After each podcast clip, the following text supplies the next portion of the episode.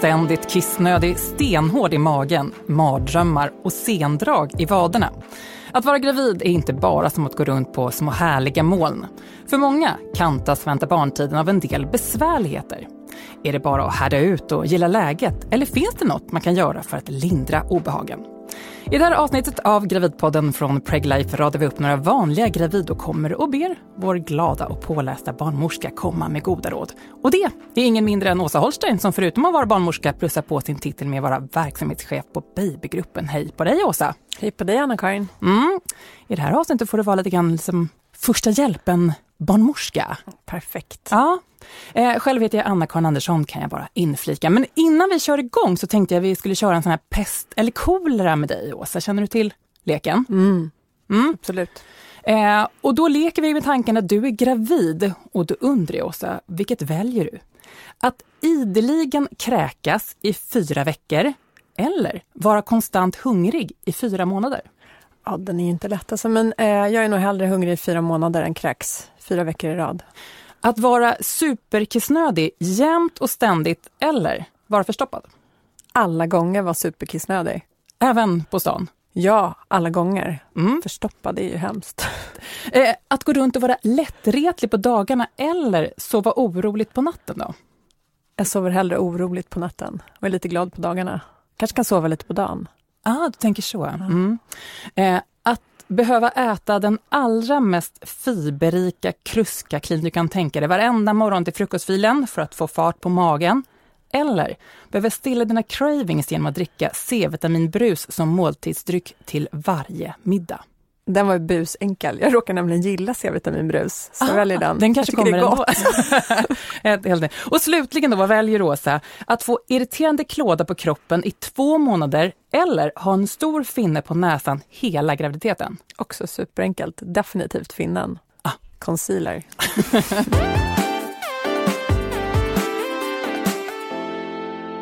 Mm, då går vi vidare, för det är ju så att man faktiskt inte får välja sina gravidbesvär. Jag tänkte exemplifiera med en del ovälkomna grejer som kan komma med graviditeten och så tänkte jag att du Åsa skulle få bistå med kloka tips. Okej Åsa, nu får du din första patient här då. Är du beredd? Mm. Mm. Sitter stadigt. Mm. Alltså jag får panik snart på den här halsbrännan. Till och med på natten vaknar jag. Det är så jobbigt. Har tagit Samarin i hopp om att det ska hjälpa lite, men så fort jag lägger mig så börjar det igen och nu får jag väl sitta upp och sova. Åsa, finns det någonting som kan lindra halsbrännan? Just i det här läget där hon befinner sig så är det kanske sitta upp och sova, eller uppallad i alla fall, resten av natten. Eh, man kan prova att ta Gaviscon eller något annat syrahämmande receptfritt läkemedel. Det man kan göra under dagen för att förebygga att man får halsbränna, den kommer när man lägger sig ner framförallt. Det är ju att äta små portioner lite ofta, försöka undvika stark mat, eh, försöka undvika hårdsmält mat. Mm. Varför kommer halsbrännan under graviditeten? Ja, men under graviditeten så har man mycket hormoner i kroppen, bland annat ett hormon som heter progesteron som gör att all glatt muskulatur i kroppen blir lite slapp. Och den här övre magmunnen som håller kvar magsaften i magsäcken från att komma upp då i matstrupen, den blir lite förslappad. Så ganska många kvinnor får problem framförallt mot slutet av graviditeten, både av det här progesteronet då, som gör att magmunnen blir förslappad och av att det faktiskt, allting ju trycks uppåt. Men mer i slutet än i början? Mer i slutet oftast. än i början, oftast. Mm. Och sen då kommer nästa bekymmer här då. då. Eh, jag har nästan aldrig kramp eller sendrag i vaden eller tårna annars, men nu när jag är gravid i vecka 25 har jag fått det flera nätter i rad. Det gör ju så jäkla ont. Varför får jag det nu när jag är gravid och kan jag förebygga det här på något sätt? Mm. Panikont kan jag säga att gör. Jag har också haft det när jag varit gravid. Man vaknar ju med ett ryck om man har kramp. Ja, men man vet ju faktiskt inte riktigt orsaken till eh, krampen. Det man tror att det framförallt beror på när man är gravid är ju att eh, vi går upp i vikt. Vi får en ökad belastning på vadmusklerna som då reagerar med att krampa, framförallt kvälls och nattetid. Så det man kan göra är att göra tåhävningar Mm -hmm. Man står till exempel och borstar tänderna och liksom går upp på tå och sen ner på hälarna, går upp på tå och ner på hälarna. För att på så sätt bygga upp vadmuskulaturen. Men mitt i natten låter det lite ja, knökigt? då får man försöka stretcha Aha. Men eh, det kan man göra. Mm. Både halsbrännan och, och sendraget här nattetid. Mm, jag vet, det är mycket grejer som händer på natten. Mm. Eh, då går vi vidare med lite toabestyr. Jag är gravid i vecka 18 och måste gå och kissa hela tiden. Superirriterande. Vågar knappt gå på stan av rädsla för att kissa på mig. Nu är frågorna. Är det normalt? Vad beror det på och vad ska jag göra? Oh, vad många frågor. Nu får jag hjälpa mig att hålla ordning på dem. Då. Är det normalt? Är det väldigt normalt och väldigt vanligt? Det är ett av de här tidiga graviditetssymptomen för många ju, att man är kissnödig. Eh, det beror på gravidhormonerna. Det beror på att vi har en ökad blodmängd i kroppen, mer blod, större urinproduktion. Så beror det också på sen, eh, kanske inte riktigt då i vecka 18, men senare in i graviditeten så beror det också på att livmodern eh, konkurrerar om platsen i bäckenet och trycker lite på urinblåsan. Så lite olika orsaker Lite olika enkelt. orsaker, Ja. men i vecka 18 skulle jag säga och även i tid, liksom hela tidig graviditet. Eh, För det kan vara ett av de första gravidtecknen, just att man är väldigt kissnödig. Så beror det på de här ökade halterna av gravidhormoner. Mm. Och sista frågan är, vad ska jag göra? Gå och kissa. Och du valde ju det framför förstoppad, så det Ja, kanske alla gånger. tänka då att Men man ja, får det är kanske ha jobbigt, lite men det kunde varit ännu värre. Ja, verkligen. Man får lite koll när man går på stan. Man får hitta sina liksom bästa fik där man lätt kan smita in och kissa utan att köpa en latte för 50 spänn. Eh, och så problem som har att göra med nummer två. Eh, då då. Bajset menar du? Ja, precis. Rakt på sak. Det är klart, du är barnmorska. Det ska vi inte hålla på och göra oss fina i kanten här. Nu då, jag är bara i vecka sex, eh, men är redan stenhård i magen. Har ont i den några gånger varje dag. Det känns som att det är för tidigt för att få sådana här besvär. Tycker det borde visa sig först när fostret har växt och då tar mer plats från tarmarna. Jag lägger linfrön i eh, blöt varje kväll och dricker varje morgon tillsammans med gröten. Jag dricker mycket vatten och försöker ta promenader i alla fall varannan dag. Visst lindrar det kanske besvären lite, men eh, ibland inte alls. Eller i alla fall inte helt. Kommer jag ha så här hård och öm mage i nio månader nu? Och finns det något som ger större effekt än de här linfröna? Då ska jag börja från början tänker jag. Du är i vecka sex. Eh, mycket hormoner nu som inte kroppen är van vid. Eh, vanligt att de här hormonerna, det här progesteronet då som är högst, ger trögare liksom peristaltik, trögare tarmrörelser. För att kroppen ska kunna ta tillvara på all näring som finns i det man äter, så då rör sig tarmarna långsammare. Så det är vanligt att man blir hård i magen. Om det kommer vara så här hela graviditeten, det är väldigt svårt att svara på. En del har besvär med hård mage hela graviditeten, men man kanske upplever det som mest i början då eftersom man inte har vant sig. Sen brukar man hitta små knep för hur man ska förhålla sig till det. Mm, de knepen är inte Mm. linfrön då, eller? Jo, men linfrön är ett utav knepen och hon, hon säger ju här att hon går promenad varannan dag. Det är ju jättebra, men vi rekommenderar att man ska gå promenad varje dag.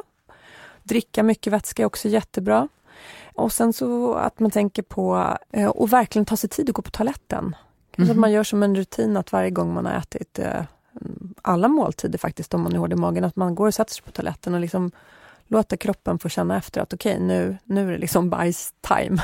Utan att man känner att man egentligen ja, behöver det. Ja, det Prova kan, det kan om det hjälpa. kan- Ja. Ja. Och sen i värsta fall om man har jättesvår förstoppning ehm, eller väldigt hård i magen, då kan man ju använda mjukgörande eh, medel som man köper på apoteket. Och det är inte farligt? sköljmedel. Nej, jag skämtar bara, inte sådana mjukmedel.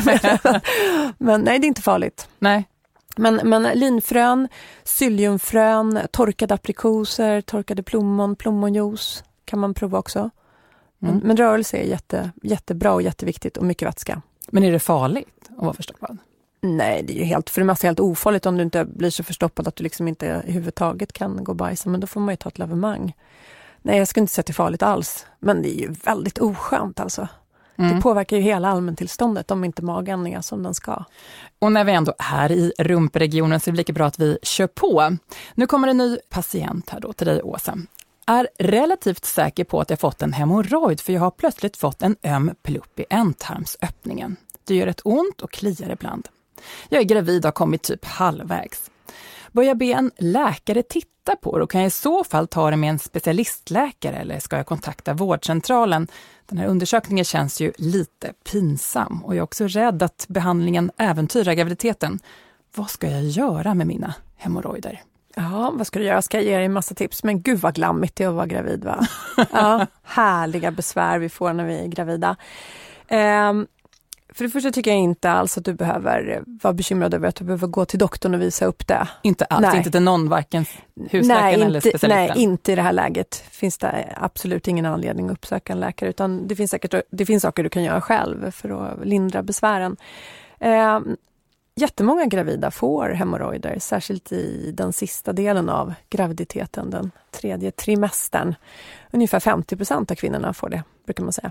Och det beror på att livmodern växer, eh, trycker på stora blodkärl in i buken och gör att de här tunna fina blodkärlen vid ändtarmen blir liksom stasade och det är lätt att få de här små utbuktningarna då av blodkärl som kan vara väldigt smärtsamma och klia eh, och vara jobbiga. Det du kan göra är att se till att du har regelbunden avföring, att du inte är hård i magen. Det vi pratade om tidigare. Precis, ännu mera linfrön, ännu mera Mm. linfrön, ännu mera promenader, ännu mera vatten. Mm. Och i den mån det går, kanske försöka då inte krysta det hårdaste du kan när du sitter på toaletten, utan verkligen försöka låta det ta lite tid Mm. när du bajsar. Gör det riktigt ont så finns det ett receptfritt läkemedel som heter eh, Xyloproct. Det finns säkert andra på apoteket också om du frågar, som du kan använda när du är gravid. Som är väldigt eh, smärtlindrande och bra. Som en liten kräm helt enkelt? Ja, som en liten kräm eller som en suppositorie som det heter, som du stoppar upp i ändtarmen. Aha. Och den behöver inte, Inte alls farligt. Nej, det är helt- sånt? Bara lokal behandling, så det Mm. kan man göra. Mm. Och en del kvinnor tycker att det är skönt att lägga en lite tjockare binda i trosan under dagen, för då trycker liksom bindan mm, bort em, den här hemorrojden och så får man smärtlindring. Mm. Det kan man prova också. Lite som ett skönt underlag kanske? Om man sitter ner. Ja, precis. som en sån här simring som man hade. Jag vet inte om man har det fortfarande. Om man har mycket hemorrojder kan man ju sitta på en sån här simring för att avlasta rumpan. Just det, oj vad mycket tips trillar här nu. Eh, alldeles strax ännu mer kli, men vi lämnar ändan. Men mer på ämnet klåda som sagt. Ehm, Åsa, jag ska se hur du bemöter det här. Det har eh, kliat lite på magen ett par dagar och idag blev det verkligen extremt. Det enda jag gör det är att tänka på hur mycket det kliar, blir nästan tokig. Varför kliar det och vad kan jag göra för att lindra den här klådan? Ja, det där är ju urjobbigt om det kliar så här mycket. Ehm, det är vanligare hos kvinnor som har haft problem med allergi och eksem att få eh, riktigt så här besvärande klåda, framförallt på magen under graviditet. Eh, det har att göra med dels graviditetshormoner, bland annat det hormonet som heter östrogen. Det blir nästan som en liten allergisk reaktion. Och sen är det också att det är den här uttändningseffekten. När magen växer så tänds huden ut och det i sig kan vara väldigt kliigt. Men det syns inte eller? Oftast så syns det inte alls. Det syns ju efter ett tag om man har tokkliat. Då blir det ju så här röda ränder av att man har kliat och kanske lite sår. Eh, Men det syns inte, men det känns Mm. desto mer. Mm. Eh, Man ska tänka på att använda tvättmedel och sköljmedel som är parfymfria. När man tvättar kläderna? När man tvättar Mm. kläderna, precis. När man duschar och tvättar sig själv kan man med fördel använda någon sån här duscholja istället, oparfymerad.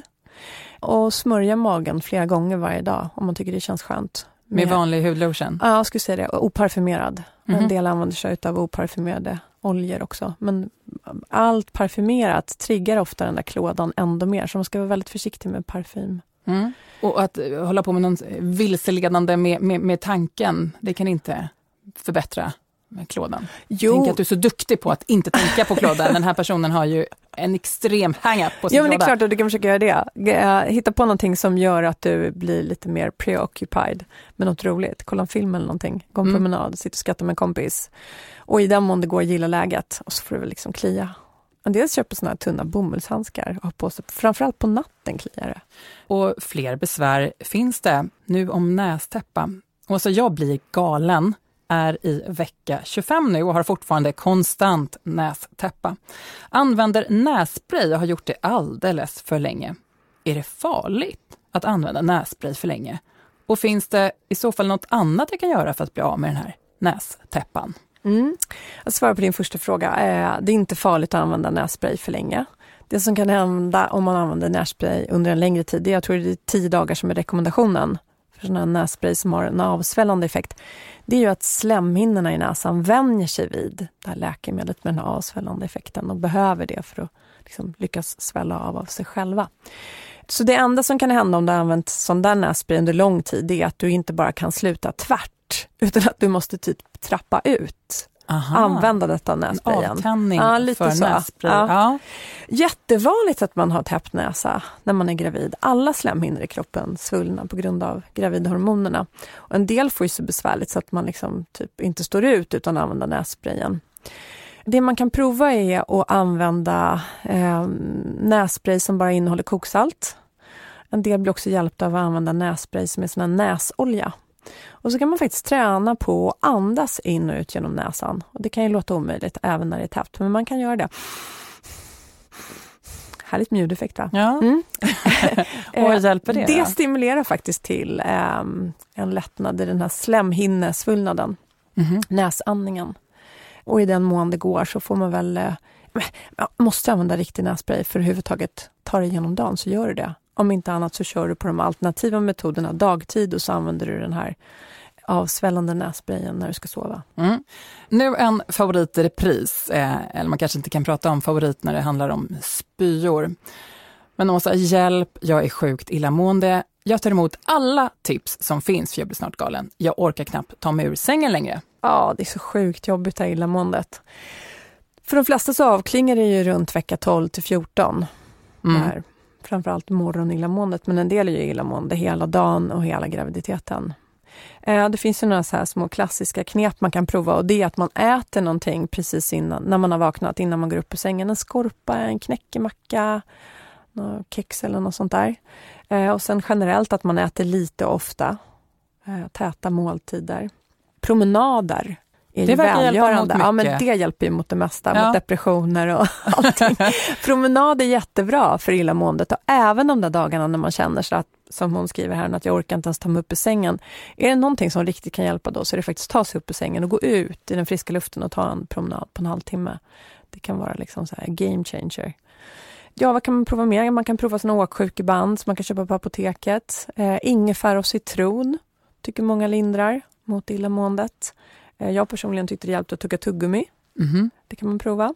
Och i värsta fall, så, eller värsta fall, men om inte något av det där hjälper kan man köpa receptfria läkemedel på apoteket. Bland annat ett som heter Postafen. Just det, som man kan ha även när man åker tåg. Precis, åksjuketablett. Jag tar ibland. Men du, tuggummin då, är det någon speciell smak där? Eller kan man ja, det måste ju vara någon smak som, man, som, som lirar med illamåendet. Ja, vad är det då? jag vet inte. Det får man citron, prova sig fram. Citron, ja, citron och ingefära. Nu finns det så många smaker. Mm. Eukalyptus. Ja, kanske det. Ja, mm. Man får prova sig fram. Det bara, alltså orolig över svullnaden i, i mina fötter. Speciellt vänster fot är jättesvullen och gör lite ont. Först tänkte jag att det bara var vätska som samlas i kroppen, för det kan väl bli så att man svullnar upp lite överallt. Men tänk om det är havandeskapsförgiftning? Ska jag boka en extra tid hos mödravården och kolla upp det akut, kanske till och med hos husläkaren? Eller ska jag bara låta det vara? Mm. Åsa, först och främst svullna fötter, kan det vara ett tecken på havandeskapsförgiftning? Eh, inte bara svullna fötter, utan man behöver ju också uppfylla de här andra kriterierna för havandeskapsförgiftning. Du behöver ha ett förhöjt blodtryck och läcka protein i urinen. Eh, och just en svullen fot skulle inte få mig att tro att det är någon begynnande havandeskapsförgiftning Nej. alls. Okay. Och att det gör lite ont i foten, det har säkert med att den är svullen att göra. Det spänner ju lite då när vi blir svullna. Det är jättevanligt att man blir svullen när man är gravid och särskilt i fötterna och eh, benen skulle jag säga. Mera blod än vi har i vanliga fall. Eh, och de här gravidhormonerna gör också att de här klaffarna i venerna, de är inte riktigt lika spänstiga som de brukar vara. Så det blir lite svårare för underkroppen att liksom pumpa upp blod och vätska tillbaka uppåt i kroppen. Så använda stödstrumpor som man sätter på sig det första man gör när man vaknar på morgonen och har hela dagen tills man går och lägger sig, brukar hjälpa. Tåhävningar är väldigt bra generellt, både mot vadkramper och mot eh, svullnad i underben och fötter. Man kan göra så cirklande rörelser med fötterna, antingen mm. när man sitter på en stol eller om man ligger och vilar. Cirkla ja, med fötterna, ja, du ser jag gör med mina händer här nu. Och ni som lyssnar förstår, eller hur? Ja, cirkla med fötterna, jag är med. Försök lägga upp fötter och ben i högläge några gånger per dag. Så att du har fötterna högre än hjärtat för att hjälpa till så att vätskan kommer tillbaka centralt i kroppen. Men det här som du nämner som är tecken på havandeskapsförgiftning, förutom då mm. Eh, svullnaden, mm. så är det ju svårt att själv kanske avgöra om man har en eh, ja. förhöjd proteinhalt i sin ja, och urin. Är man eller? orolig, då kontaktar man sin barnmorska och så kommer man dit på en kontroll. Det är en av de här sakerna som vi gör när, eh, på mödravården kollar blodtryck, kollar urinstickor och sådär. Mm. Den här, vad svarar du på det Åsa? Eh, svimmade hemma vid tillfälle. Min sambo tog hand om mig och jag kvicknade snabbt till igen. Men är det farligt att svimma när man är gravid? Nej, det är inte farligt att svimma, vare sig när man är gravid eller ogravid. Skönt att din sambo var med, så du fick mm. hjälp. det, är ju, det som kan hända när man simmar är att man kan slå sig, man kan ju falla olyckligt. Man kan slå sig, det är väl det som möjligtvis kan vara lite farligt då. Men är det en förhöjd risk att svimma när man är gravid? Eller? Mm, det är det mm. faktiskt lite. Särskilt om man går in i graviditeten och är en så kallad lågtryckare att man har lågt blodtryck från början, då ökar risken på grund av gravidhormonerna och den här enorma omställningen som det är i kroppen, att man får ändå lite större blodtryckssänkning. Och sen får faktiskt alla kvinnor en eh, blodtryckssänkning kring vecka 20 eh, ungefär. Mm. Lite grann, för att det sen ska gå upp efter några veckor igen. Så att, och har du då redan lågt blodtryck från början, då blir du ju extra känslig. Så det du kan göra är ju att tänka på att du inte reser dig för snabbt. Framför allt när du går upp från liggande läge och ska upp ur sängen och kissa på natten till exempel, eller om du har legat och vilat. Att du sätter dig på sängkanten, tar några andetag och känner liksom att du landar in i kroppen innan du reser dig. Och sen generella saker, se till att du eh, inte är för trött i den mån det går, att du har sovit bra. Eh, försök att dra ner på stressen. Det kan också öka på risken för att man svimmar. Eh, att man har ätit och druckit ordentligt. Och att sambon alltid finns väldigt alltid. nära att ta emot ifall eller någon. Och att man kanske om man åker tunnelbana eller buss och så här, det är varmt och trångt, att man kanske inte står upp utan att man, man sätter sig ner. Mm. Och så en fråga om att sola. Jag undrar om jag kommer få pigmentfläckar om jag solar med min gravidmage. Och om jag får pigmentfläckar, är det nog kvar då för alltid? Det vore så skönt att få vara ute i solen en del. Kan jag det ändå och på något sätt undvika pigmentfläckar? nej nu ska jag vara så tråkigt präktig. Nej, du kan inte riktigt undvika pigmentfläckar på något annat sätt än att vara i skuggan faktiskt, när du är mm. gravid. För under graviditeten har man en ökad risk för pigmentering, att man får såna pigmentfläckar som heter kloasma. Eh, de bleknar efter graviditeten men de går aldrig helt bort. Så vill man vara helt säker på att man inte ska få såna här pigmentfläckar, då ska man hålla sig i skuggan. Men det är inte farligt annars, liksom. men, men det, det är risk för en eh, Mer ökad en, pigmentering. en estetisk eh, mm. skönhetsgrej då helt Precis. enkelt. Mm. Och för att vara då lite sådär präktigt eh, PK, kan inte du också lista tre sköna grejer att göra i skuggan? Mm. Ja, ska vi kora någon på tredje plats? Vad ska jag göra när jag inte får vara i solen? Sitt i skuggan och läs en bra bok. Mm, det är, den funkar ju alltid. Ja, men den är, är ju alltid ja. trevlig. Eller lyssna på en bok. Mm, ja. Precis. Mm. Andra platsen, då måste vi lite högre upp va? Ja, lägg dig i hängmattan och ät jordgubbar som är fulla med järn. Ja, man får in både det ja. och, och eh, Vila lite. Mm. Och den är ju bra, hängmattan. Då kan man också få upp fötterna lite eftersom det blir som en grop där för rumpan. Så får man lite mindre svullna fötter. Mm. Och nu är vi nyfikna på första platsen. Vad ska vi göra i skuggan när vi inte får sola med gravidmagen? Åh, ett fotbad eller kanske ändå hellre en fotmassage. Ah, och gravidpodd.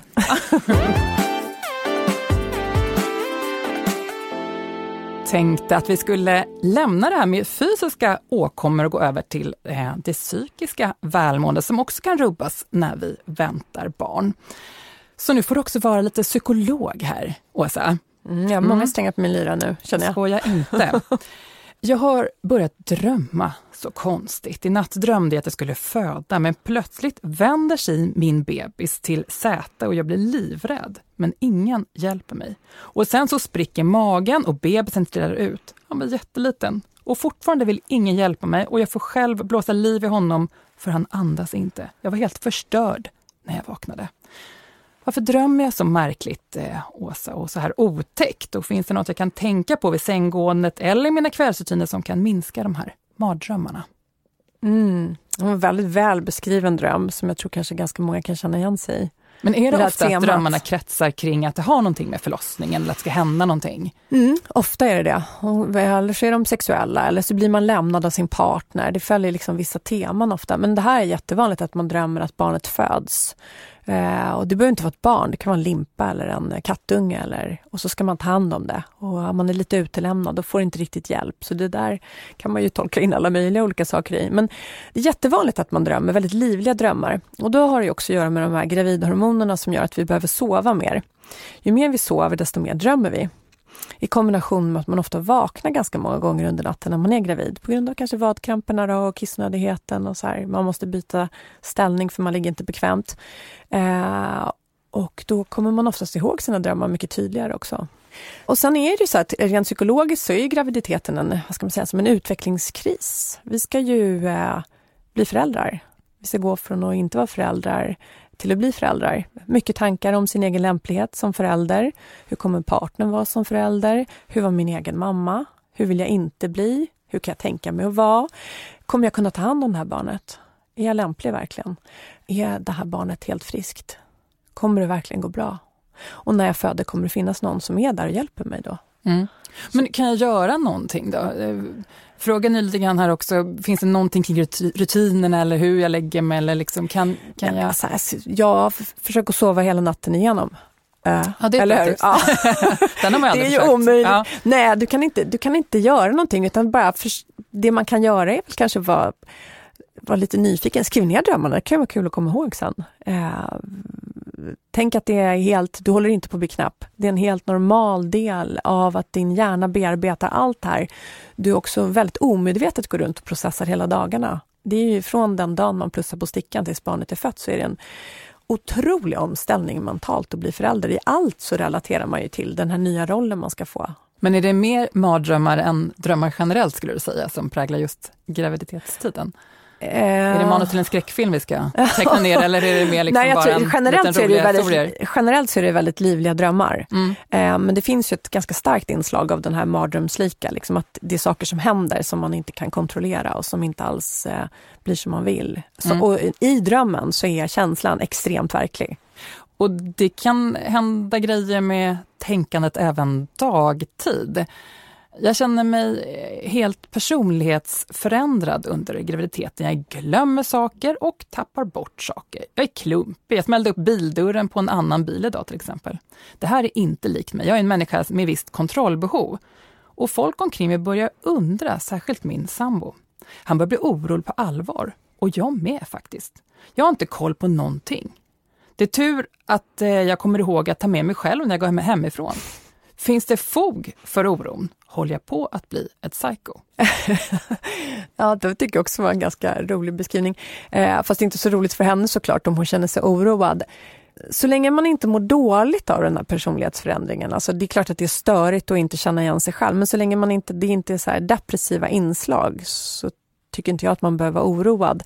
Det som händer när vi är gravida är att det är såna enorma hormonnivåer det har jag sagt typ på vartenda svar på varenda fråga i den här podden hittills, gravidhormonerna. Men de ställer verkligen till det för oss.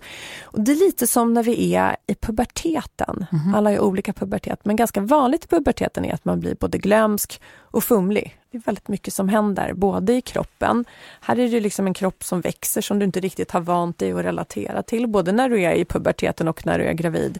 Och sen är det hela tiden det här mentala man håller på med när man är gravid som tar ens fokus. Så i det här fallet tycker inte jag alls att hon behöver vara orolig. Det men man... Finns det andra skäl till att ta personlighetsförändringen? Som ja, men om, det är så här, om, man, om man känner att det har depressiva inslag, att man inte känner igen sig själv och inte är glad, då ska man såklart prata med någon och då kan man behöva hjälp. Ibland kan man behöva medicinering också. Mm. Men det låter inte som i hennes fall. Utan i hennes fall, det hon kan göra kanske är att försöka ta det lite lugnare. Man blir oftast mer glömsk och mer fumlig om man har bråttom. Och man är väldigt stresskänslig under graviditeten för kroppen har så fullt upp med att se till att ge det här barnet så bra förutsättningar som möjligt. Det är liksom kroppens primära fokus. Mm. Kan du ge några relationstips också? Vad, vad kan eh, hon säga till sin, sin sambo här som är lite orolig för att hon har blivit helt wacko? Nej, men att de pratar om det, att hon också säger att hon inte känner igen sig själv. Och att hon har hört nu i Gravidpodden att det är väldigt vanligt att det blir så här. Mm. Och kontrollbehovet och personligheten kommer tillbaka efter förlossningen? Ja, eller? men det kan väl vara jätte... Tänk vilken skön, vilken skön semester för en som har kontrollbehov och inte liksom kunna ha det på samma sätt. Se det som en träning i att släppa taget. Mer på samma tema. Jag är i vecka 9 och har de senaste dagarna märkt att jag börjar få riktigt hett temperament kan vara glad ena stunden och nästa kan jag nästan börja gråta och en sekund senare kan jag bli riktigt förbannad utan någon egentlig anledning. Är det här ett normalt graviditetstecken och ska jag tänka på något för att inte yttra alla mina känslor? Mm, det här går lite hand i hand med den frågan som var precis innan tycker jag. Det har också med gravidhormonerna att göra, att man blir väldigt liksom humörig. Mm. Många blir det. Eh, inte alla såklart. Eh, men ja, det brukar finnas ett litet samband med om man har varit väldigt humörig under puberteten. Att man kanske reagerar så på den här hormonomställningen även när man är gravid. Att det är de här snabba växlingarna.